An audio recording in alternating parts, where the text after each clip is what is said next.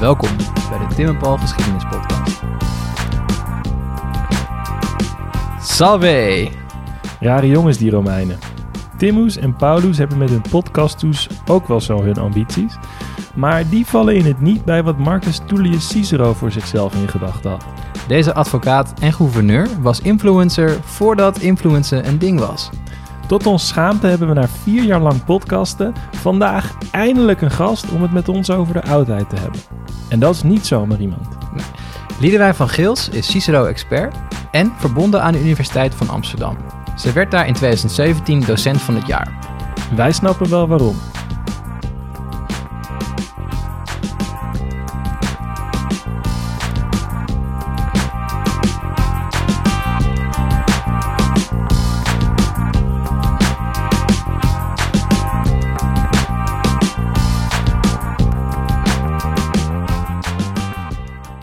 Tim, Paul, waar zijn we nu terechtgekomen? we zijn eh, bijna bij ons in de, waar wij gestudeerd hebben. Ja. Niet heel ver daar vandaan. Turfdragerpad. Op de UvA, maar op een faculteit waar ik nog nooit geweest ben. Nee, ik ook niet. Eh, we zijn bij de, de klassieke afdeling aangekomen. En wie zit er tegenover ons? Ja, ik ben er heel blij mee dat ze er is. Eh, of dat eigenlijk wij zijn, wij zijn bij haar. Ja. Maar uh, van Gils is bij ons aangeschoven. En we gaan het hebben over iemand waar we eigenlijk tot mijn grote verbazing, eigenlijk een beetje schaamte ook, in de afgelopen vier jaar dat we deze podcast inmiddels doen, hebben we geen enkel onderwerp uit de klassieke oudheid. Ja, en daar gaan we nu we veranderen. gaan enorm verandering in brengen, Ja. we gaan het hebben over Cicero. Ja. En net vertelde jij al, want je hebt een, een elementair deeltje geschreven, medegeschreven over Cicero. Ja, eh, welkom allereerst. Oh, dank eh, inderdaad. dus eh, voordat we over Cisco gaan, heel, heel erg leuk dat jullie hier zijn. En eh, in het gebouw BG1, binnen Gasthuis eh, terrein 1, bij inderdaad de, de afdeling Oudheid, waar klassieke talen, archeologie en oudheidwetenschappen zit.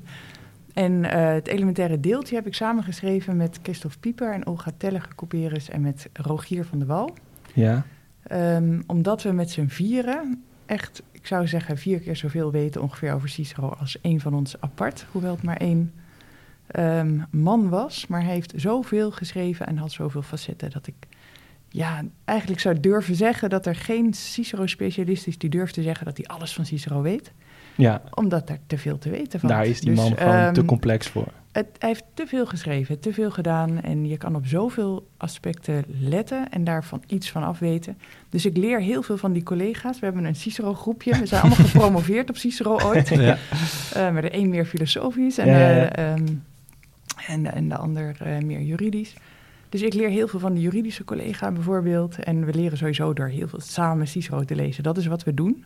Dan, dan al komen tien jullie jaar. samen ook. Al tien eh. jaar ja, komen we eh, om de zoveel tijd samen. Elke, Elke twee tweede maanden, zondag van de maand. eh, Elke twee, ja. twee Ja. maanden ongeveer.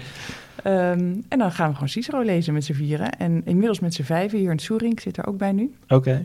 En eh, En is dat, afhankelijk gewoon om te leren. is dat op uitnodiging of moet je solliciteren voor deze Nee, club? je kan niet eens solliciteren. We hebben dit ooit bedacht toen we eh, elkaar bij een borrel troffen na een lezing. Olga Tellige Couperus, die- zij gaf een lezing over de Promorena, over een van de, de redenvoeringen van Cicero. En we stonden na te praten, we leerden elkaar kennen op dat moment.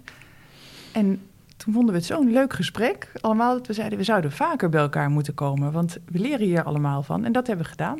Eh, en zo zijn we begonnen en we hebben een paar maanden geleden, of een maand geleden, ons tienjarig eh, jubileum gevierd. dat we dit Ja. nog steeds doen. En toen En een- inmiddels een- hebben we dus ja. een elementair deeltje Ja, ja, ja, geschreven ja, met ja. z'n allen. En we hebben een online commentaar gemaakt voor eh, leerlingen, middelbare scholieren of, of eerstejaars studenten. Je moet eigenlijk ongeveer eindexamenniveau Latijn kennen om daar Oh ja. eh, iets aan te hebben.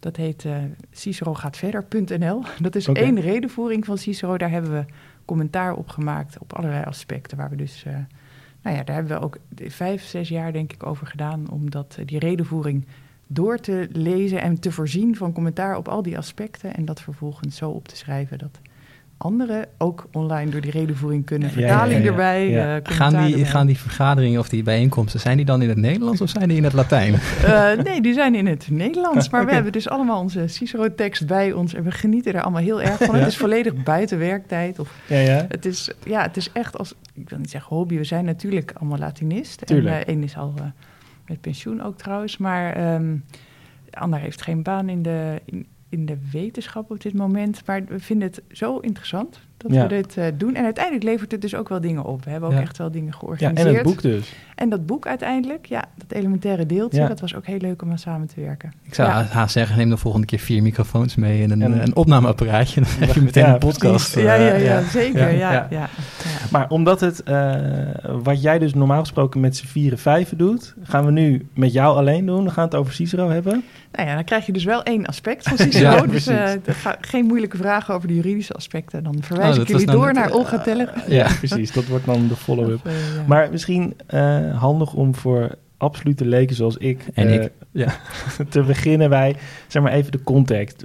Ja. Waar, over welke tijd hebben we het? Ja, we hebben het over de eerste eeuw voor Christus. We hebben het over eh, de late republiek van Rome. Dus dat is ehm, het, het eind. Rome was ehm, een republiek. Dat wil zeggen dat ze elk jaar twee consuls verkozen. Er was sprake van verkiezingen.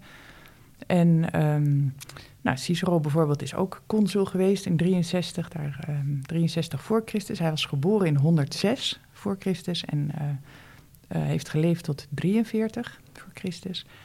Eh, toen hij vermoord werd om zijn politieke ideeën, maar daarover misschien ja, later. daar komen we straks op. Ehm, en hij leefde dus in een tijd ehm, ja, van, van veel politiek geweld. Ook wel omdat er toch wel veel pogingen waren om ehm, van eh, generaals, generaaltypes, om alleen aan de macht te komen. Om dat Romeinse Rijk echt eh, steviger te domineren. Want dit eh, is toch echt die classic, zeg maar, Julius Caesar periode en Ja. Asterix en Obelix, toch? Ja, De- die ja tijd. Julius Caesar was zeker. Ja, dus die, die was in 100 geboren, dus die was maar zes jaar jonger dan, Ja, ja, eh, dan. Cicero. Dus die kenden elkaar ook heel goed.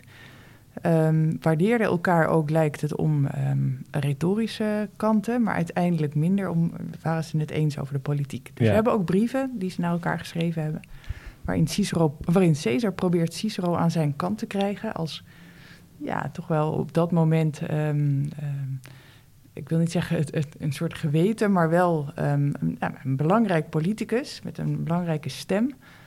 Maar ehm, dat doet Cicero. Cicero zegt dat doe ik alleen als ik mag zeggen wat ik wil. Ja, Ja, dat, dat is gevaarlijk soms.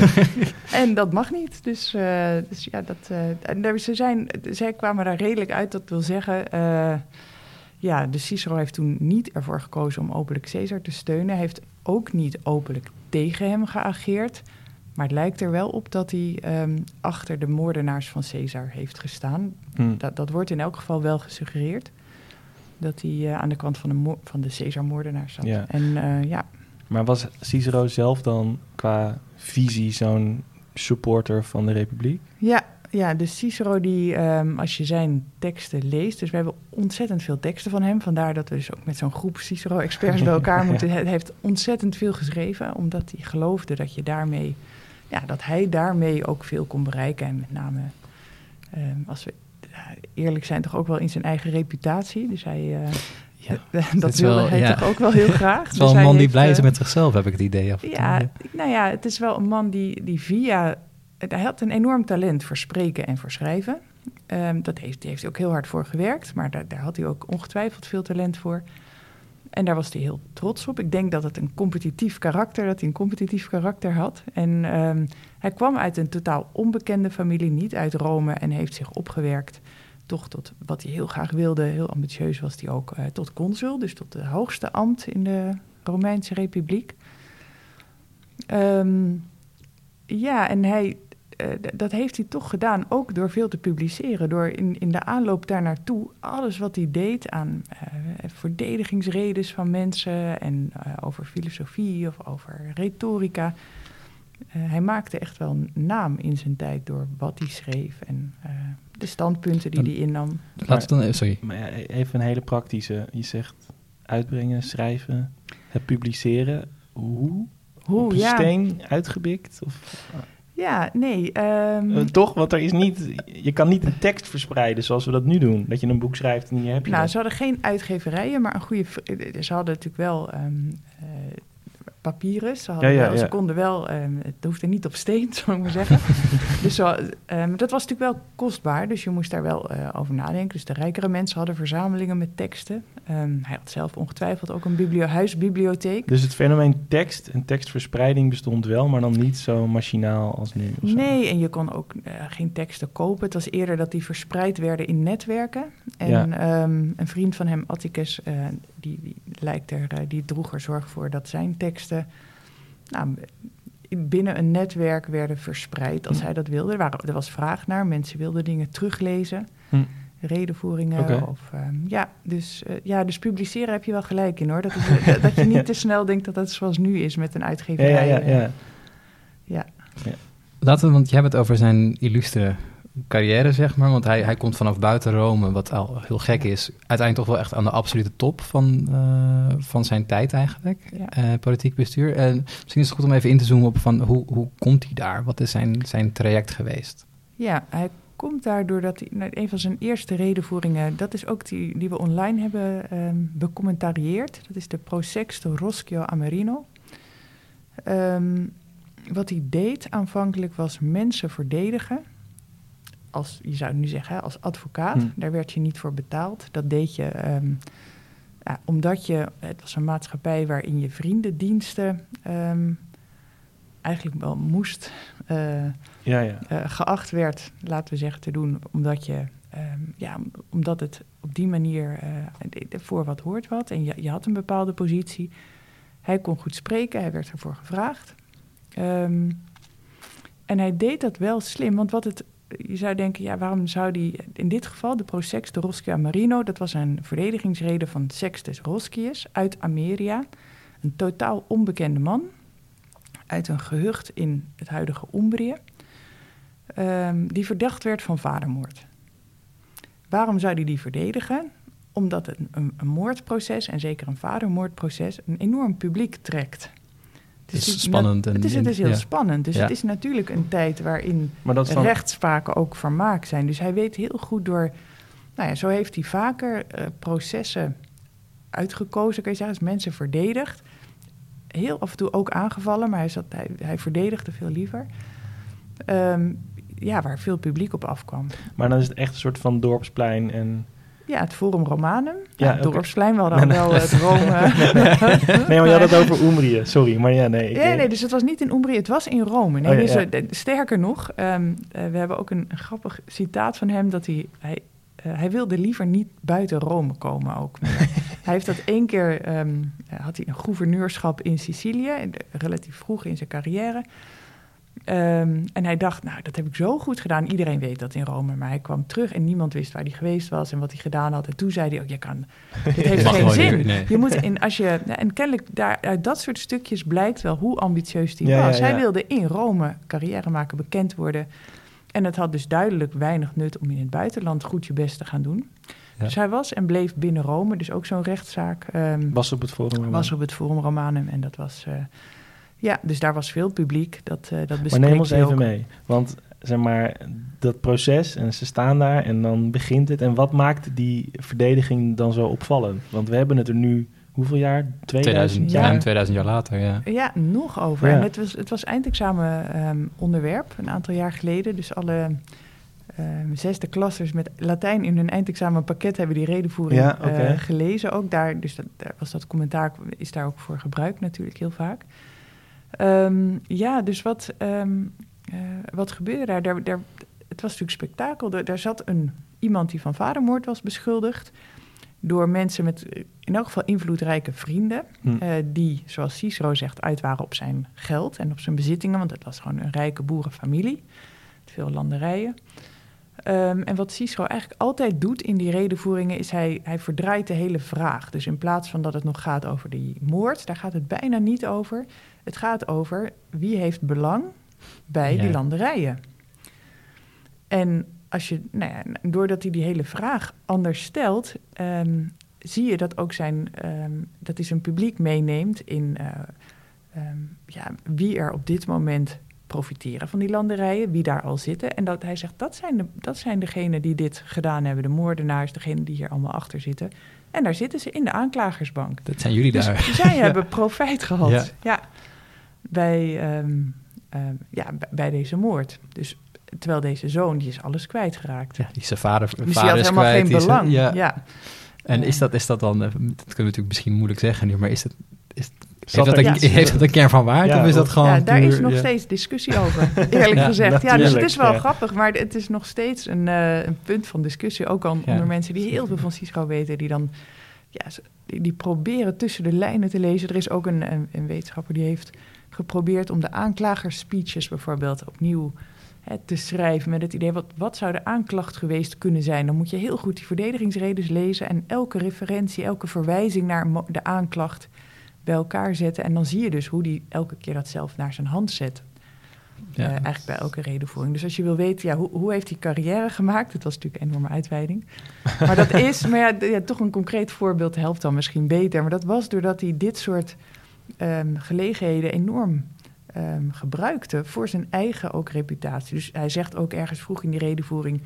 Hè, jullie hadden zeker ge- gedacht dat niemand hem zou verdedigen, dat niemand dat durfde. Want dan moet je ingaan tegen die eenduidigheid. Nou, ik durf het wel, want ik ben Ja. voor het vrije woord en ik ben voor.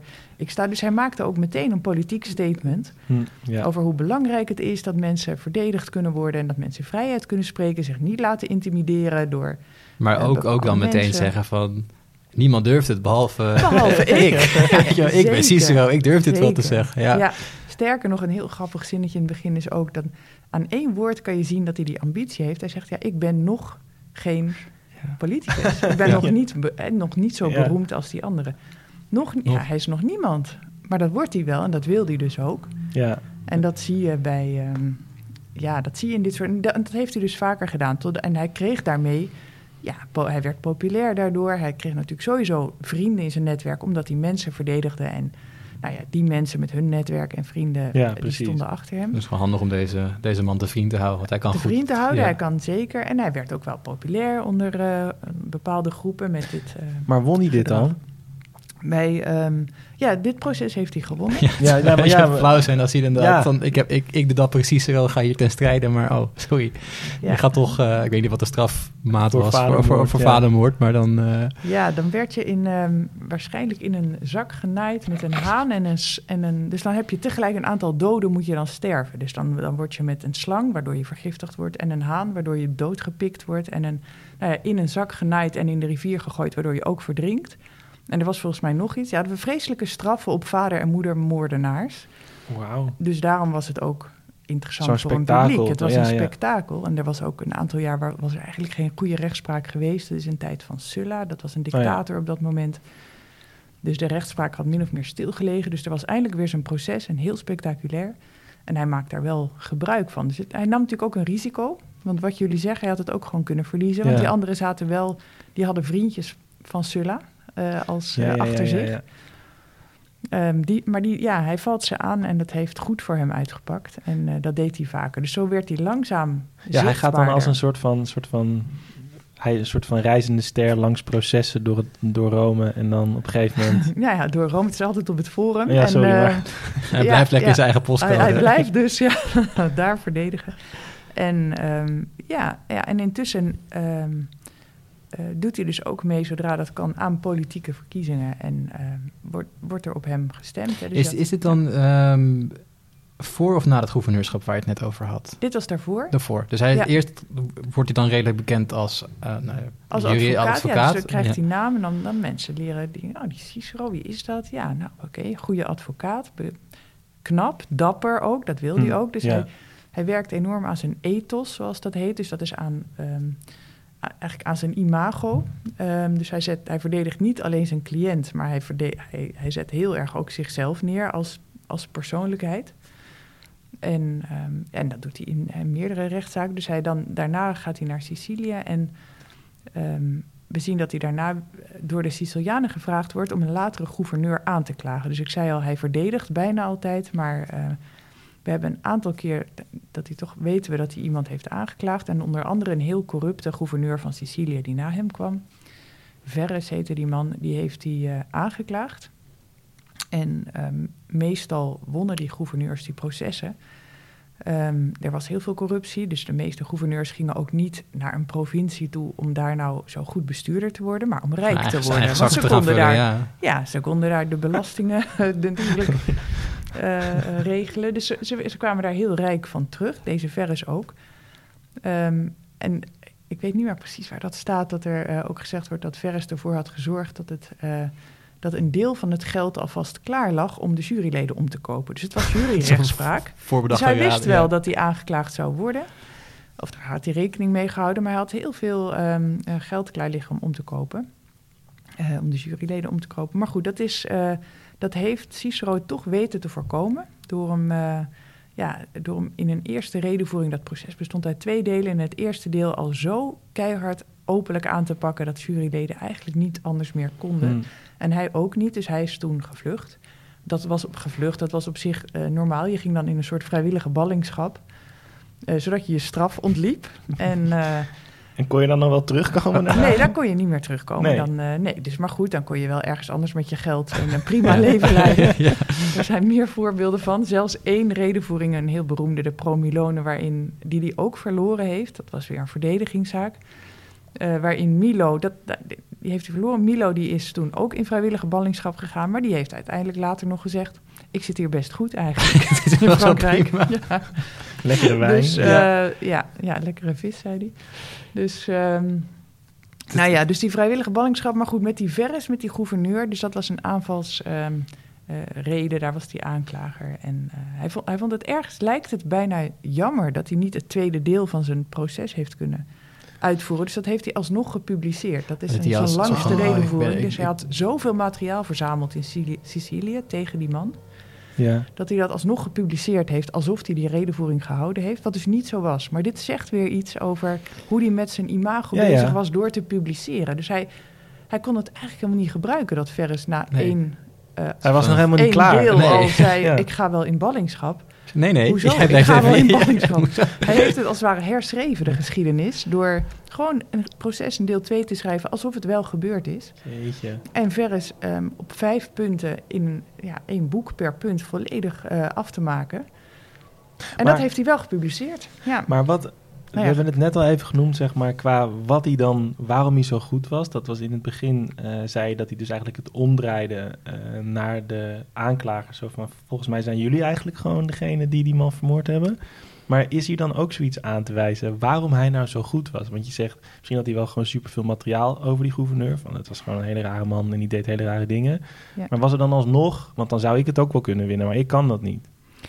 Nee, nou in, in dit geval is er weinig discussie over de schuld van Verres. Ook omdat we uit heel veel verhalen weten dat gouverneurs... ehm, Over het algemeen eh, over zijn het- ze. Ja, Ja. over het algemeen. Hij is één keer uiteindelijk ook min of meer gedwongen zelf nog gouverneur geweest. Dus, ehm, en daarvan... ehm, maar we weten, ja, daar was hij ook weer uitzonderlijk goed in zijn bestuur. Was hij ook heel trots op. Maar hij wist toen al wel, ja, dit wordt niet wereldberoemd. Want dat is nou eenmaal zo.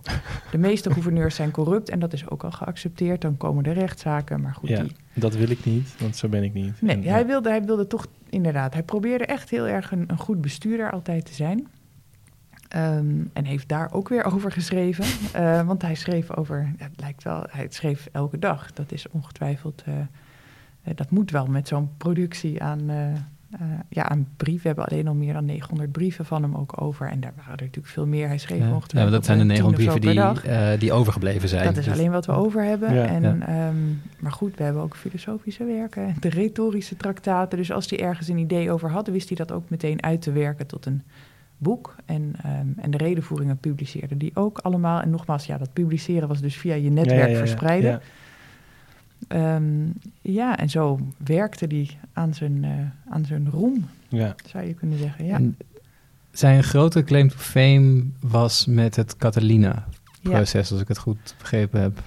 Dat Eh. was dat jaar dat hij consul was, in 63 voor Christus. Ehm, eh, dat is heel interessant. Hij was, je bent dus maar voor één jaar de baas van Rome, samen met iemand anders. Daar waren twee consuls. Dat was heel erg bedoeld om de macht in evenwicht te houden. Te zorgen dat niet één iemand dictator eh, was. Ehm, en in dat jaar was er ehm, eh, iemand, Catilina, die al eerder had, die de verkiezingen had verloren voor het consulaat al twee keer. En die, eh, nu had bedacht, ik ga met, uh, met geweld de macht grijpen. Tenminste, dit is wel de versie die we hebben. En bij alles moeten we eigenlijk zeggen, we hebben de versie van Cicero. ja, hij heeft gewoon het meest geschreven over die hele late republiek. Dus hij is de belangrijkste bron, maar daar moet je natuurlijk goed bewust van zijn. Dat mhm. is maar één kant van het verhaal. Ja. Um, dus uh, ook over dit uh, verhaal. Dus Catalina was een, een politicus ook, ook zat in de Senaat. Maar um, daarvan was toch ja, heeft, het verhaal is toch dat Cicero daar een samenzwering opgerold heeft. En we hebben uh, uiteindelijk van hem vier politieke redenvoeringen... die hij in de Senaat of uh, tegen het volk voor de Senaat gehouden heeft... tegen die Catilina, om hem uh, weg te krijgen. En de laatste redenvoering ook om de doodstraf um, erdoor te drukken... voor de mede-samenzweerders van Catilina. Catilina was toen gevlucht... Maar er waren een paar samenzweerders opgepakt. Die hadden eigenlijk ook bekend Doodstraf mocht niet voor Romeinse burgers, dat was tegen de wet. Dus doodstraf mocht best, maar niet Romeinse burgers. Dus niet, niet Romeinse mannen die uh, enzovoort. En van de Gallier, dat was geen probleem? Geen probleem. Nee, um, nee dus mensen zonder burgerrecht, allemaal geen enkel probleem. maar als je burger bent. we natuurlijk ook. Ja. Um, maar um, ja, Romeinse burgers mochten geen doodstraf. Tenminste niet zonder dat ze op... In elk geval, je kon dat wel proberen. Maar dan moest er nog wel een soort proces komen ook, waar ehm, dat ze een, een, kans kregen om zich te verdedigen. Ja. Uh, want het was wel, dat was eigenlijk niet een, een normale uh, strafmaat voor een Romeinse burger. Maar goed, hij wilde dat toch en hij wilde het ook snel, diezelfde dag. Dus dat heeft hij doorgedrukt met nou ja, wat we nu noemen de vierde Catilinarische redenvoering, hebben we nu over. Um, in december um, van 63, dus aan het eind van zijn, consul, van zijn consulaat heeft hij die nog gehouden. En dat is ook gebeurd. Iemand als Caesar, die zat toen ook in de Senaat, die uh, heeft tegen de doodstraf gepleit. Weten we, die zei: uh, we kunnen ze toch beter uh, opsluiten, er, gevangenissen over het land eh, een beetje verdelen en dan levenslang zonder kans dat ze nog ooit vrijkomen, bezittingen afnemen. Dat is veel erger. Ja. Maar um, ja, er wordt natuurlijk ook wel gezegd, misschien was dat toch een manier van Caesar om, om eh, zat, was hij toch ook sympathisant van Catalina. Het was niet zomaar dat die man zo, zo gevaar was. Uh, die had waarschijnlijk ook veel um, mensen achter zich die ontevreden waren op dat moment over uh, van alles en nog wat graanprijzen en over hoe het ging in de politiek. Maar Cicero, die, ja, dat is opnieuw de enige stem die we echt over hebben. We hebben ook van Sallustius, maar goed, die leefde later en heeft Cicero ook gelezen. Ja, ja, ja, ja, hebben we ook een bron over die uh, samenzwering. Maar, goed, maar dat is dan tweede hand. Dat is toch anders. Dus uit, het, uit de tijd zelf hebben we gewoon Cicero alleen. En hij vertelt zijn verhaal. Hij heeft later de vier politieke redenvoeringen tegen Catilina gepubliceerd.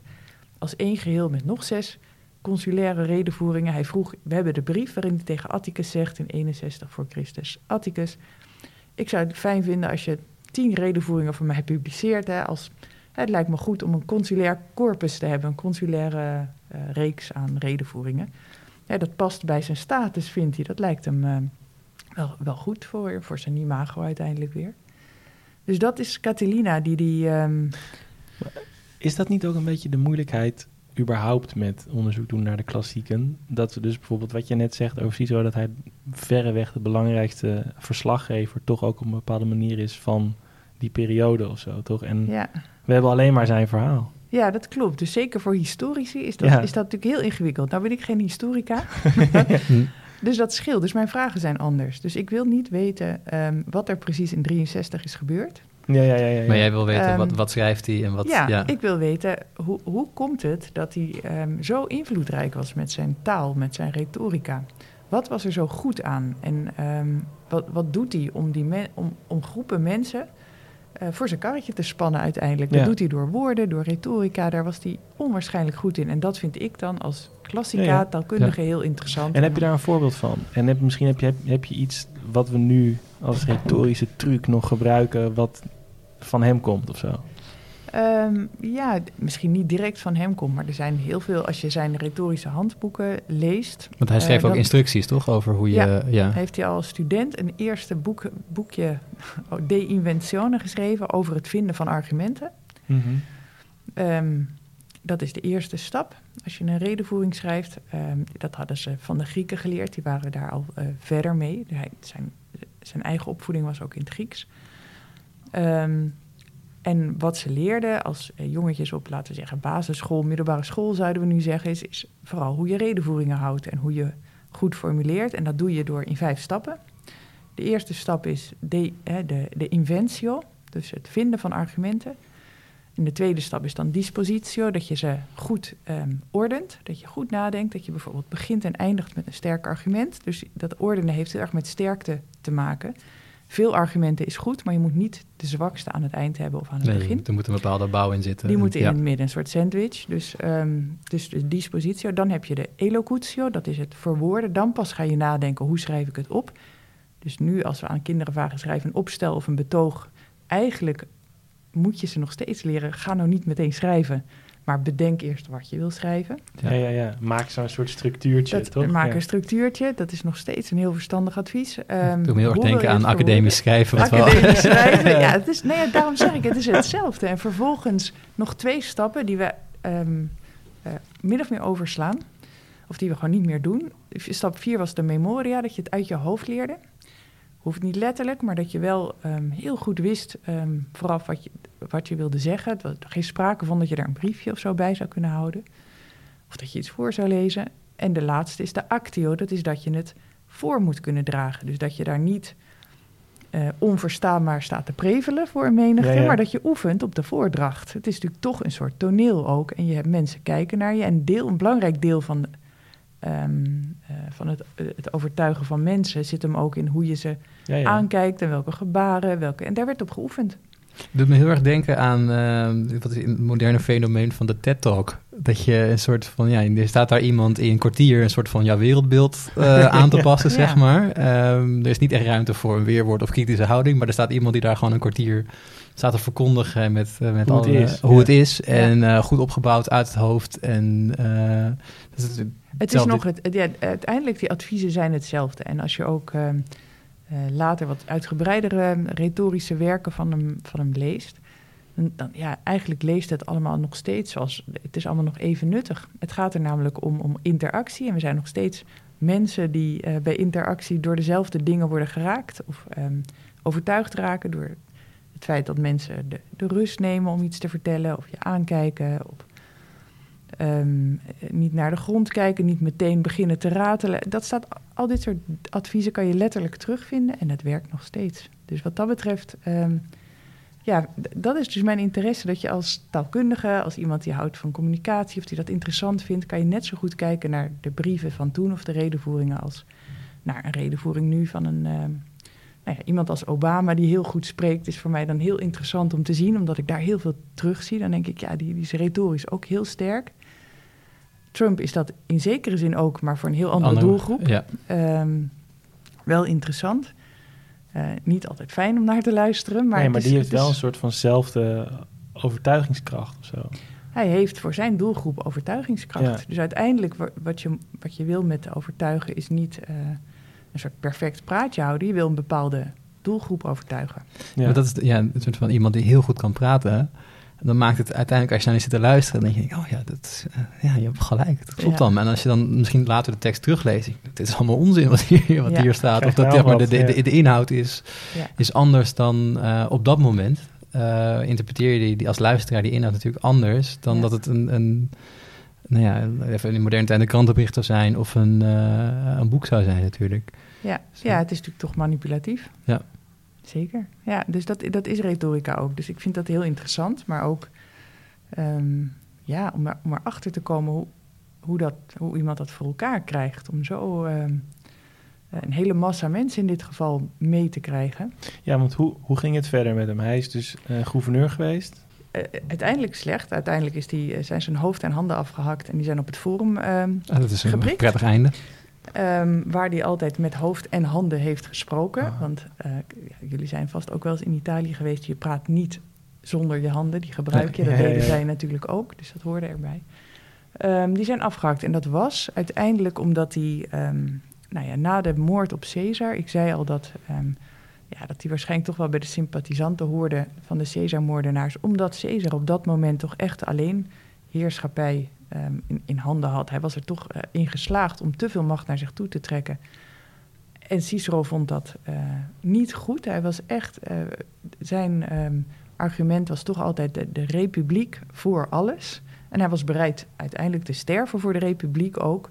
Hij, had zich, hij was zich er echt wel van bewust dat na die moord op Caesar krijg je een machtsstrijd tussen Marcus Antonius, tussen Octavianus met name. En uh, hij weet, als je de brieven leest uit die tijd, dat is heel interessant, die hebben we over, dan zie je ook, hij weet niet heel goed wat hij moet doen. Het is een heel chaotische situaties van, situatie van legerleiders die En keuzes moeten en maken. mensen gaan naar Egypte ook toch en zo? Of niet? Of, uh, eh, Pompeius. Eh, ja, dus dat is, dat is daarvoor. Dus je had ook al een machtsstrijd tussen Caesar en Pompeius gehad. Ja. Dat was, ja, dat was ook al. Een, het is eigenlijk de hele laatste eeuw is een eeuw van een soort burgeroorlog ook, waarin Romeinse generaals Ja. het eh, tegen elkaar opnemen om, eh, om, om de macht. En een voorbeeld is Caesar Pompeius. En Pompeius gaat naar Egypte inderdaad.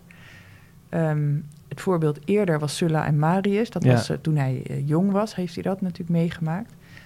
En in zijn laatste jaren zijn het Marcus Antonius en Octavianus. Allebei maakten ze aanspraak op een soort opvolging van Julius Caesar. En Julius Caesar was heel populair geweest. Hij was wel vermoord, maar hij was ook populair geweest. Ehm, en je ziet dat echt die legers die zijn een beetje verspreid en mensen wachten op elkaar. En Cicero die probeert heel erg, uit, dat blijkt uit al die brieven, mensen achter zich te krijgen. Heeft echt besloten, we gaan kijken of we de republiek kunnen herstellen. Niet meer alleen heersers, maar gewoon... En hij kiest er dan voor om Marcus Antonius als eh, de grote vijand te zien. Eh, en die maakt hij zowel in de, in de politiek, in de Senaat... ehm, ageert hij heel fel tegen hem als ehm, in brieven aan anderen. Eh, en je ziet steeds duidelijker dat hij echt een polariseert. Eerlijk gezegd, dat is de, de keuze die hij maakt. Want het is, dus je bent zwart of wit. En het is heel erg de vraag of dat voor mensen gold. Het was gewoon helemaal een chaotische Ja. situatie. Maar hij maakt er echt een beetje zwart-wit situatie van. Je bent voor Marcus Antonius. Dan ben je voor de vijand. Dan ben je, dan ben je vreselijk en zwart en, en misdadig enzovoort. Of je bent eh, tegen hem. En dan ben je voor de goede kant en de republiek. En je moet kiezen. En uiteindelijk heeft dat tegen hem zelf gewerkt. Want eh, Marcus Antonius en Octavianus die eh, gooien het nog één keer op een akkoordje. Met als voorwaarde van Marcus Antonius dat die giftige Cicero met zijn eh, scherpe tong. ehm, eraan. Moet gaan. Dus dat is ook. dus dat, en dat wist Cicero ook. En die is wel gevlucht, maar toen weer teruggegaan. En op een bootje. En toen werd hij misselijk. En toen ging hij weer naar huis. En een uiteindelijk- tragisch einde. Heel tragisch. En nou, uiteindelijk steekt hij toch zijn hoofd uit zijn eh, reiswagen, is dan het verhaal. En zegt hij, nou, hak het er maar af. Dit Ik ben is, er, ben er eh, ook wel klaar mee inmiddels. Of het zo. is, eh, hij wist Ja. dat het toch het einde was. En, Ja. eh, hoe ja, dus hoe oud komt- is hij dan? Ehm, dus hij is uit eh 106 en hij is in 43 vermoord. Dus even snel rekenen. Een jaartje of 60. Ja, ehm, Zoiets, ongeveer. 63? Ja. Zoiets. Ja, ik, ik, ik, ik Ja. heb geschiedenis gedaan, geen wiskunde. Ja, maar, maar jij was wel het snelst, wel? Ja. Ja. Maar dat, dat, dat vind ik dan ook altijd bijzonder om te realiseren. Dat iemand van toch relatief jonge leeftijd, mijn ouders zijn ouder, eh, zo'n idioot lange legacy heeft, toch? Dat we het nu nog steeds over hem hebben. Ja. Dat vind ik wel bijzonder om je te realiseren. Ja, en daar heeft hij natuurlijk vooral zelf heel veel aan gedaan. Dus hij wist ehm, dat wat. Hij, er was, wat ik al zei, hij heeft zelf ehm, veel Griekse lesboeken en lesmateriaal in de zin van voorbeelden bestudeerd. De Griekse literatuur, Griekse ehm, redenvoeringen. Er was nog niet heel veel in het Latijn gepubliceerd. Eh, wel wat, maar ja, het, zijn school was toch voornamelijk Grieks. Terwijl wat hij gedaan heeft, hij heeft ontzettend veel materiaal gegeven voor de leerlingen en studenten na hem, namelijk al zijn redenvoeringen, zijn werken over retorica, zijn werken over filosofie. Dus wat je ziet is dat hij gewoon in het schoolmateriaal terechtgekomen is. Hm. Eh, en dat is ja, een van de, de beste manieren om bewaard en herinnerd te worden. Ja. Is dat je in een schoolcurriculum terechtkomt. Dus mensen bleven hem lezen en het, was ook, ik bedoel, het is ook goed geschreven, dus nog steeds denk ik. Het is echt wel de moeite waard om daar eh, kennis van te nemen. Dus hij heeft er, maar hij heeft er dus wel echt zelf voor gezorgd. Hij, heeft, hij zegt ook ergens in een passage van ja, andere redenaars, sommigen kunnen wel goed spreken, maar die schrijven het niet op, want ze zijn te lui of ze kunnen niet schrijven. En hij is zich wel heel erg ervan bewust dat hij die keuze maakt. En dat dat heel hard werken is, maar hij doet het wel ergens voor. Namelijk, eh, Zijn eigen Fame. legacy. Ja. Ja. maar het is Ja. wel interessant dat je dan ja, natuurlijk al zo bezig bent, eigenlijk vanaf het begin af aan. ja, Bezig is met zijn eigen carrière en zijn eigen ambitie, maar dus ook al met een soort van wat gaat er gebeuren met ja, na mijn, eh, na mijn dood? Wat, Ja. wat gaat er met mijn gedachtegoed gebeuren of zo? ja. Ja. Ja, precies. Dus, en het is natuurlijk allebei ook. Hè. Het is niet zo dat hij alleen maar bezig was met zijn roem na zijn dood. Dus heel veel had hij gewoon direct nodig. Dat, wat ik aan het begin ook zei, dat hij mensen verdedigde en die redenvoeringen publiceerde. Hij had op dat moment, moest hij populairder worden en bekender. En dus heel veel was gewoon direct nodig in zijn eigen leven. Maar, of ook als ehm, ja, verdediging. Dus wat ik vertelde over Catilina, dat hij die in 63... ehm, heeft hij die Catilinariërs ter dood laten veroordelen. Daar wordt hij op aangevallen twee jaar later door zijn politieke vijanden. En dan, dan publiceert hij dus die, die tien redenvoeringen, Ja, waaronder ja, die vier. Catilinarische, waarin hij ook... Ja, eh, dat doet hij ook om, om zich te verdedigen, om te laten zien dat het echt niet zijn persoonlijke besluit was, maar dat het hè, samengenomen was. Daar is een discussie aan vooraf gegaan, zoals dat hoorde. En er waren goede redenen om die mensen op dat moment ter dood te veroordelen. Ja, Ja, sick. ja. Ja, Ja, dus het is eh, een, een interessant leven. Maar ehm, ja, en dan nog vraag ik me soms af hoe dichtbij kom je. Dan heb je zoveel gepubliceerd. Maar ja, door dat, met name die, dat retorische laagje ook, denk je, het, was, het had allemaal een doel. Ja. Ja, je moet natuurlijk goed naar, hè, ondanks wat je net zei, van je bent natuurlijk geen, of geen historica, dus dan is het ook een Nee. andere vraagstelling. Maar Ja. het is tegelijkertijd natuurlijk wel, ja, wat, wat, wat zegt hij en hoe, in hoeverre is dat gewoon, nou ja, puur zijn visie, of niet alleen zijn visie, maar ook zijn bewust eh, opgeschreven eh, perspectief over hoe hij in deze maatschappij staat natuurlijk. Ja. Ja. ja, je kan heel goed wel, wel leren, met name uit die brieven, denk ik. ehm, dat is voor historici denk ik ook interessant. Dus dat, dat leren we natuurlijk ook hier als we eh oudheidwetenschappers opleiden. En natuurlijk ook klas- klassici, maar voor hen is het normaler. Dat in elke tekst zo'n echt een perspectief zit dat enorm met die lezer te maken heeft. Je hebt een doel met je tekst en ehm, natuurlijk leren historici dat ook. Maar je ziet dat... ehm, ja, je ziet dat heel goed hier. Dus we hebben bijvoorbeeld uit zijn brieven, we hebben een, drie brieven die hij op dezelfde dag geschreven heeft naar drie verschillende mensen over één onderwerp, namelijk zijn dochter gaat verloven met een Dolabella. Dat is een boodschap die voor een vriend aan wie hij dat zegt, nou, interessant nieuws. Vertelt hij. eh, Gefeliciteerd. Gefeliciteerd. Ja, leuk, ja. Ehm, die wist dat ook al wel voor een, ehm, een andere vriend. Die weet dat dat, hmm, dat dat een beetje ingewikkeld is. Dus daar legt hij dat een beetje uit. En voor de derde vriend, dat is een vriend in de zin dat het een... We zouden misschien zeggen meer een, eh, een politieke kennis of zo is. Maar dat, dat werd wel vriendschap genoemd. En dat, Mhm. hè, dat, daar werden ook alle uitingen van vriendschap in benoemd. Van, ah, je bent allemaal heel belangrijk voor me. Maar we weten dat ze ook ruzie hadden. en aan die man moet hij ook vertellen eh, dat Dolabella de verloofde van zijn dochter is. Maar Dolabella had net die man, die vriend van hem, aangeklaagd. Voor corruptie als gouverneur. Voor de verandering. Dat is een Dus, dat is een heel ja. lastig bericht. En Ja. dan zie je ook hoe hij dat totaal anders formuleert. De hele naam Dolabella komt niet voor in die brief. Hij moet het allemaal heel omzichtig proberen te formuleren. En je ziet dus, nou ja, omdat we zoveel hebben, soms wel echt het verschil in doelgroep. Hoe, hoe belangrijk dat is als je ja. teksten leest uit die tijd. Maar dat, dat En, eh, maakt het ook dan, dan is het ook meteen, is hij ook een mens of zo. Als je, Ja. da- als je dat, want dan natuurlijk Wij ga doen dat ook. wij doen dat ook. Wij gaan, ook, ik ga ja. op andere manieren met mijn moeder om dan met, met Tim of met, eh, Ja, ja, ja. Met, andere vrienden. Dus De brieven die je mij stuurt. al jouw brieven, Ja, ja, ja, hebben jullie nog wel brieven gestuurd, of niet? Ooit. Ja, soms aan mijn vader. Mijn vader stuurt Ah. me altijd ansichtkaart. En dan stuur ik wel eens een ansichtkaart terug. Oh, Ja. wat goed. Ja, Ja. wat leuk. Ja, het Nee, is echt ik- een genre wat eruit gaat. Ja, Zo mijn- jammer. Ja. mijn, mijn handschrift is niet, eh, niet per se leesbaar, dus ik probeer het zoveel mogelijk te, Ja. te vermijden. Ik ben nog wel naar iets anders benieuwd. Je noemt nu steeds een aantal brieven die er nog zijn.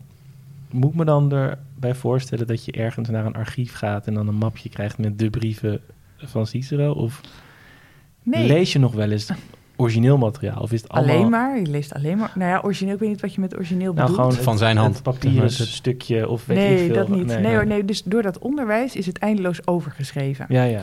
Dus dat is natuurlijk een, een tak apart, een tak van sport binnen de, de, de klassici. Zijn, eh, is het reconstrueren van de originele tekst op basis van handschriften die we hebben. ja. En die handschriften die zijn al heel vaak overgeschreven. ja, ja. Ehm, Dus dan heb je misschien een, een bron uit de 16e eeuw of zo. Of ja, die dan, bijvoorbeeld. Ja, die dan wel ja. in, in een aantal stappen teruggaat naar. Ja. En, ja. dat- en dan is ook onderdeel van de wetenschap, kan ik me voorstellen, wat je misschien net zegt, om dan die naast elkaar te leggen. Welke Ja. vertaling gebruiken we? Ja. Of, ja. Wat het verschil is, hoe je terugkomt naar de originele tekst of zo.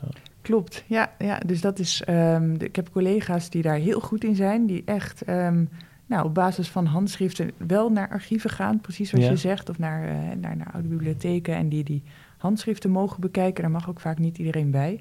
En die dan echt kijken bij de, ja, die dat dan vergelijken en proberen te reconstrueren wat de meest waarschijnlijke originele lezing is op basis van wat wij hebben. Ehm, dat, dat doe ik niet. Nee, nee, Ehm, nee. dus ik ben heel blij dat anderen dat doen. Want wat ik gebruik zijn, ehm, nou, zoals dat rode boekje wel daar staat, ja, ja, ja. dat zijn gewoon de edities. Uitgegeven. uitgegeven. En van iemand als Cicero zijn er heel veel edities. En die komen ook, eh, die, worden, die zijn heel erg up-to-date. Dus je hebt gewoon de laatste stand van zaken van de mensen die dit allemaal reconstrueren. Ja, de- die teksten die, die hebben we in de best mogelijke vorm. Eh, en daar staat ook wel altijd nog bij wat eventuele varianten zijn. Zodat, zodat wij als klassici, als ik het lees, ja, ja. en ik denk, goh, wat een gek woord eigenlijk hier. En als ik dan zie, oh, maar er, er is ook een variant mogelijk. Of, of de interpunctie wordt door de uitgever. Dus waar staat een punt en een komma. Als ik daarover twijfel, dan, dan weet ik al dat is door de moderne uitgever gedaan. Hè, door de moderne klassicus. ja, ja. Dus er zijn natuurlijk eh, allerlei manieren om daarmee om te gaan. Maar hoe dan ook werk ik met gewoon mooie boekjes. ja, ja. Waarin ik alleen nog het Latijn heb. En eh, voortga op het werk wat anderen gedaan hebben. Die de teksten zo goed mogelijk hebben eh, gereconstrueerd. Ja, maar dan wel nog Latijn. Dat is nog wel een soort Altijd van... Latijn. Niet zo van, je zou dan ook kunnen denken, de meest moderne, recente vertaling, dat kom je ook in end. Of is dat ja, dan maar ja, we- ik, ben die klassica, dus we hebben natuurlijk Ja. nog altijd mensen die echt Latijn en Grieks studeren. En eh, ja, dus ik ben Latinist, dus ik lees altijd het Latijn. En ik ben eh, blij hoor dat er vertalingen bij zijn. Soms het gaat echt wel sneller ehm, eh, om, om soms een vertaling erbij te pakken als je ja, niet helemaal door ehm, een, een heel werk de tijd hebt om een heel werk in het Latijn te lezen. Maar in principe als ik onderzoek doe, gaat het altijd Ja, over ja. Latijn. Ja, Want vertalingen zijn ook interpretaties. Nee, Dus daar, tuurlijk, ja, eh, ja. Ik ben heel blij met vertalers. Ook weer een vak apart en een tak Ja. van sport. Het vertalen is ontzettend moeilijk. Dus ik ben blij dat er altijd nog weer ook jongere generaties eh, zijn onder de studenten. Mensen die dat ook weer willen leren. Dat is, eh, we hebben hier ook eh, bijvoorbeeld Piet Gerbrandi, dat is een collega hier die heel mooi vertaalt. Dus er zijn altijd een paar klassici die daar heel goed in zijn. Eh, en de brieven van Cicero worden op dit moment bijvoorbeeld vertaald door een heel consortium, omdat het er zoveel zijn. Is er nooit iemand aan begonnen in het Nederlands. dus we hebben niet alle brieven in Nederlandse vertaling, wel in het Engels, maar ja. niet in Nederlands. Dus nu zijn, is er een heel groep Nederlandse vertalers bezig om al die brieven te vertalen. Wat een waanzinnig werk is, maar ze zijn met acht of zo, denk ik. Ik weet niet precies. Hm. En, die, eh, en er zitten ook twee jongere, net afgestudeerde klassici Oh, bij. cool, Maar ja. ook ehm, ja, gelauwerde vertalers die al heel veel vertaald hebben vanuit het Latijn. En samen werken ze dan eh, aan dat enorme Ah, is, eh, brievencorpus. Interessant, ja. Zodat er ja. uiteindelijk over, ik weet niet, twee jaar of zo, ik weet niet precies wat hun planning is, een vertaling van elke brief van Cicero in het Nederlands beschikbaar is. Wat echt wel eh, heel erg leuk is. Ja, En eh, is dat dan echt zeg maar, puur vertaling waardoor het handig is voor eh, onderzoekers om dat of is het soort Nee, van nou ik, ik, literaire ik, vertaling. ik ga even lekker naar de slechte en ik eh, ja, Ja, precies ja, want dat is natuurlijk ook ja nou, dat, ja mijn Latijn is net zo goed als mijn Japans Nee, ongeveer nee, maar dus- dit is, zijn, ja. dit is echt wat je dan literaire vertaling doen. Dus het is voor de klassici niet nodig, want die kunnen ook het Latijn lezen. Ja, en precies. kunnen Ja, er ook een Engelse vertaling of een Frans of een Italiaans erbij pakken als ze er ergens over twijfelen en denken ik moet even snel weten wat iemand anders denkt. Maar ehm, voor het brede publiek zijn zij aan het vertalen. Dus echt zoals je... Ja, ook sommige redenvoeringen ehm, zijn ook vertaald. Er liggen een paar eh, daar bijvoorbeeld. Die, die eh, kan ze Kijk erbij pakken. Nee. Ja. Tegen Catalina zie ik daar Ja. toch? Ja, bijvoorbeeld. Ja. Ja, en ehm, ja, dus dat is echt het idee is dat jullie dat gewoon kunnen lezen en in één keer kunnen begrijpen en hier en Ja. daar een aantekening erbij. Ja. Maar ehm, ja, dat is echt het doel van zo'n vertaling. en daarmee blijft het ook natuurlijk wel levend zeg maar toch Ja. Dus dat is dat is natuurlijk wel. Uiteindelijk het doel denk ik Ja, en, en beschikbaar voor iedereen Ja. die geen Latijn spreekt. Ehm, die kan dan toch. ehm, Ja, want dat was voor mij altijd stiekem Ja. wel echt een horde om me hiermee bezig. Ik kan dat niet. En, Ja, heb jij eh, jij hebt geen gymnasium Nee, nee, nee. ik ook niet nee. Nee, en ja, dan...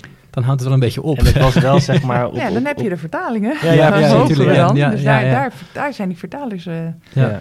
Eh, daar, daar, ja, daar zijn ze mee bezig. Daar zijn ze, ze zijn bezig voor mensen die geen Latijn eh, beheersen. Om, om toch die teksten allemaal toegankelijk te krijgen. Omdat het zo mooi is. En omdat Ja, het omdat zo- het toch, ja, het is, eh, het is enorm invloedrijk ook geweest. Dus mooi, ja, het is niet allemaal mooi. En er zijn natuurlijk ook eh, ja, lelijke dingen, of ook in de zin van slechte dingen. Je kan heel kritisch zijn op wat er allemaal staat. Er staan natuurlijk ook, eh, als je met een modern oog kijkt, ehm, schrik je soms ook wel over hoe er met vrouwen om wordt gegaan, of met slaven bijvoorbeeld. Ja. Of, natuurlijk zijn er heel veel redenen waarom je kan denken: dit wil ik, hè, dit, dit zou ik niet zo willen. Daar, ik, ik ben geen fan van Cicero's wereldbeeld of iets dergelijks. Maar het is heel interessant. En eh, natuurlijk ben je kritisch, maar het is wel heel invloedrijk geweest. En het was, het was wel een interessante denker en een Ja. eh, heel talentvol spreker. Dus dat vind ik boeiend, zoals ik Ja. al eerder zei. Maar het is, dat wil niet zeggen dat hij natuurlijk Maar alleen is het maar dan goede dingen zegt. niet, niet ook ergens jammer dat je... Je kan hem niet meer horen spreken. Nee, Want dat zou Nee, nou zo leuk zijn als je, als je een, je- soort ja. Oude SD-kaart met Cicero eh, speeches hebt of zoiets. Ja. Want je hebt natuurlijk wel dan... ehm, zeg maar, ik Shakespeare, heeft interpretaties Ja, gemaakt. ja, en dat, dat is dat, dat waar, krijg je ja. natuurlijk later Ja. terug. Maar dat is natuurlijk ook helemaal andere, Ja. totaal andere interpretatie. Maar de vraag is ook of, of... Oh nee, sorry. Zeg maar. Nee. nee, ga je gang. De vraag is of, of je het begrijpt. Toch ook? Want Latijn, ook al wordt het niet meer gesproken... ik kan me voorstellen dat die taal ook in ontwikkeling is. Of niet? Ehm, in ontwikkeling is. Nou ja, dat er, dat er ehm, in de middeleeuwen werd dat wel veel Ah. gebruikt. En dat er toen, weet ik, ik ben geen Ja. taalkundige, maar ik kan me voorstellen zoals een taal die gebruikt wordt verandert. Tuurlijk. Ja, Doe dat met ja, geschreven taal misschien ook. Dus als er dan iemand staat te oreren Ja, op een bandje of een cd'tje Ja. uit de, de, de late Republiek van Rome, dat je, dat, misschien versta je dat wel helemaal niet. Of- nou, het is, ja, dus ik kan een paar dingen over zeggen. Ten eerste, heel leuk dat je dit punt maakt, want dit is de actio waar ik het eerder over had. Dus dat het, eigenlijk moet je een redenvoering horen ja, ja, ja. en niet lezen. Dus het is wel echt een goed punt. En je hebt ook, eh, ik heb toevallig een app gedownload, eh, vrij recent, waarin ehm, eh, redenvoeringen van Cicero worden voorgedragen in goed Latijn. En ik vind dat heel leuk om naar te luisteren. maar ehm, ja, dat is natuurlijk wel apart en voor een heel kleine groep, maar interessant. Maar Latijn is echt, het is een dode taal. ja.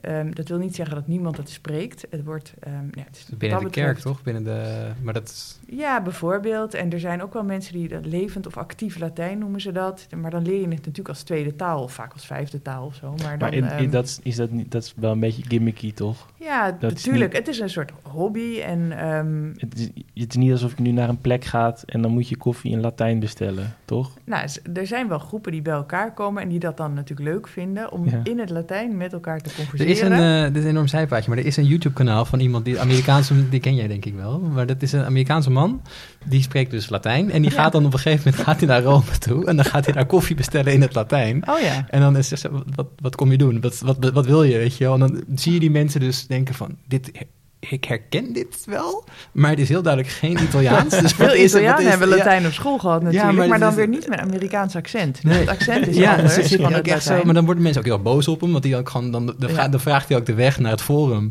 Oh. in het Latijn. En Ja, dan, ja. ja, nou, dat- waar moet hij heen, weet je? En dan gaan ze hem naar de metrohalte sturen en zo. Dat is heel... Ja. eh, oh ja, nee, dat heb ik ja, niet gezien, ja, maar wel het- grappig. Ja, ja. ja. Ja. en het wordt ook wel in het onderwijs gebruikt, hier in Amsterdam ook bijvoorbeeld op een... eh, en dat, ja, waarbij het als didactisch middel wordt ingezet. Hmm. Dat je Latijn ook, net zoals we bij moderne vreemde talen doen...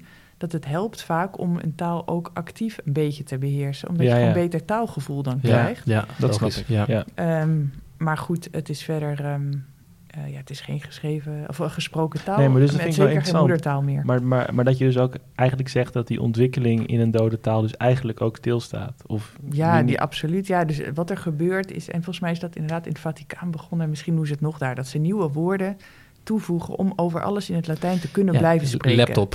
Laptop, Of smartphone, eh, ja. exact. Ja. Ja. Ja, dus over alles, voor alles is volgens mij een Latijns woord ook. En er is een commissie of zo die dat dan bedenkt.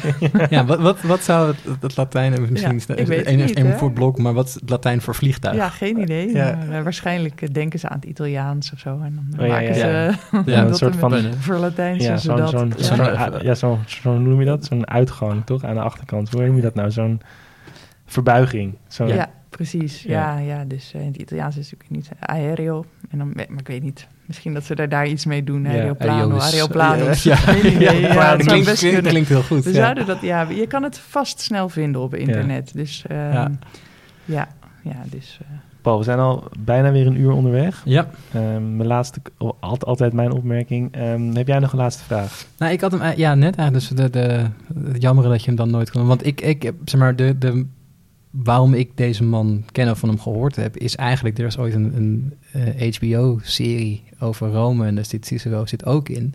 Maar al die mensen worden ges- eh, gespeeld door keurige Engelse, Shakespeareaanse acteurs. Dus je gaat een soort van in die wereld en iedereen spreekt keurig bekakt Engels, weet je wel? Dat Ja. je denkt, maar dit is helemaal niet Ja, dat is hoe, echt hoe- dat dus is het is verwarrend. heel verwarrend Ja, hoe dat dan, eh, Ja. hoe dat, dat je dan, je kan het haast niet loszien van, De Britse context. precies, hè? ja, ja, en Ja. dat is heel, eigenlijk, slaat helemaal nergens op, Ja. maar dat is natuurlijk wel de invloed die Ja, is vrij Ja. bezopen. Ja, dat je- populaire media, cultuur dan daarop op heeft, zeg Nou, maar. je ziet hoe belangrijk een taal toch is voor als onderdeel van cultuur. Dat je dat als, als iets in een andere taal, ehm, en zeker in Nederland zijn we daar niet aan gewend, omdat we nou ja, toch een aantal talen spreken en we gewend zijn om Franse films in Ja. het Frans te zien en misschien ondertiteld. En dat geldt voor Duits en Engels ook. Terwijl ja, in andere landen zijn ze al iets meer gewend om talen te nasynchroniseren Ja, ja, ja. natuurlijk. Dus dan ben je al meer gewend om in een andere taal een Engelse film te zien. In je eigen taal namelijk. In het Italiaans of zo bijvoorbeeld. En bij Latijn, ja, je hebt ook die, die redenvoering die ik aan het begin noemde van die vadermoordenaar, die Prosesto Roschio a Merino, die is ook eh, verfilmd. Duurt een uurtje. Murder in Rome heet die, denk ik. Weet ik niet zeker, maar ik denk het wel. En dat is ook, eh, dat is echt Brits. Ja. En dat, ik vind dat ook verwarrend. Ja. Dat je, ehm, ja, zeker omdat jij natuurlijk, jij kent die tekst. Ja. Jij weet wat die dat, zeg maar, wat dat ja, werkt. ja, je herkent heel veel uit die redenvoering, want Ja. natuurlijk is dat de basis voor Tuurlijk, de film. ja. Ja. Dat is ook heel Dat is leuk om te zien. ja. Dat is het vertrekpunt. Maar ja, het is wel Engels. Dus het is inderdaad... eh, ja, dus dat heb je met Latijn natuurlijk. Maar je wil Ja. toch ook weer... Je wil het zien en horen soms. Ja. En eh, ja, er zijn verschillende manieren om dat te doen. Verfilmen en dan toch maar Engels. Of eh, Ja. Voordragen in het Latijn en dan met een heel beperkte doelgroep. ja, dan wordt je natuurlijk je publiek wel wat smaller, inderdaad. Ja. Ja. Ja, Ik heb nog wel een andere laatste vraag. Ehm, we hebben natuurlijk het elementaire deeltje, maar als er nou iets is wat ik vertaald nu moet gaan lezen, ik ben geïnspireerd geraakt, net als al onze luisteraars. Wat zou je me aanraden? Welk, welk traktaat, proces? ehm, Ehm, ja, afhankelijk natuurlijk van wat je interessant vindt. Maar ik vond zelf De Oratore over de redenaar ehm, een heel interessant werk. Maar dat gaat dus echt over eh, hoe je moet spreken en wat hij daarvan vindt. Ehm, dat is wel vertaald, maar nou weet ik de vertaler niet uit mijn hoofd. Nou, dat is dat- jammer, maar dat... internet, internet lost alles op, ja, maar ja. ehm, dus overspreken, zoiets zal het dan zijn, of eh, niet? ja, of over redenaarskunst misschien. Ehm, ik, dat, ja, die titels daar... hmm, ik zou het bijna snel even googlen. Is dat nog eh, handig? Nee joh, nee, dat, daar komen we wel uit, toch? Dat, Ja. Mensen hebben internet, hè? Ja, je googlen, ja. Ja. Dus dat is een soort... Als je dat leest, dan... Er zijn natuurlijk zoveel mensen met podiumangst voor lezingen en dat soort dingen. Dat goh, ik neem even Cicero erbij. Ja, dit is dan- wel een vrij, eh, vrij groot werk. Dus je, als je denkt, ik wil bijvoorbeeld die Catilinarissen zijn ook vertaald. Oké. Ehm, dus te- eh, tegen Catilina, wat is de, zou Ja, jij ja, zeggen de titel net? ja. Tegen Catilina moet je dan hebben. Oké, En dan eh, vind je die redenvoeringen. ga ik Eh, daarmee beginnen? Ja, misschien is dat ook wel een leuk begin. Super. Ja, of die site, ja, cicerogaatverder.nl. Ja. Daar staat ook een literaire vertaling bij. Dus daar kan je ook alleen het Nederlands lezen... en dan bijvoorbeeld de aantekeningen met de context erbij aanklikken. Ja. Dus dat, dat zou je ook kunnen doen. Nou, dan ga ik dat ook eens proberen. Ja, nou, Dankjewel. veel plezier. Ja, dankjewel. nee. Ja, heel erg bedankt voor, eh, voor je verhaal. Heel, erg, eh, heel erg spijt dat we niet eerder met oudheid Nee, zijn, eh, zijn helemaal Ja, geïnspireerd. genoeg Ja, oudheid in Amsterdam. Er Ja. zijn nog heel veel collega's die je meer kunnen vertellen. Nou, we zitten hier volgende week weer. Dan. Dankjewel.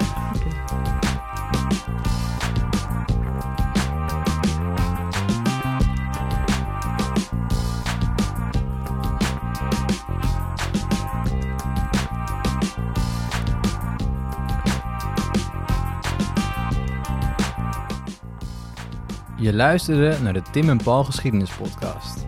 Een onafhankelijke podcast van Tim Streefkerk en Paul de Jong. Met muziek van Mart. Vond je dit nou een interessant verhaal? Laat dan een recensie achter. Dat wordt zeer gewaardeerd. En vergeet ons ook niet te volgen via Instagram of Facebook. En mis je een onderwerp? Contacteer ons dan via de socials of stuur gewoon een ouderwets mailtje naar info.geschiedenispodcast.nl Groetjes thuis.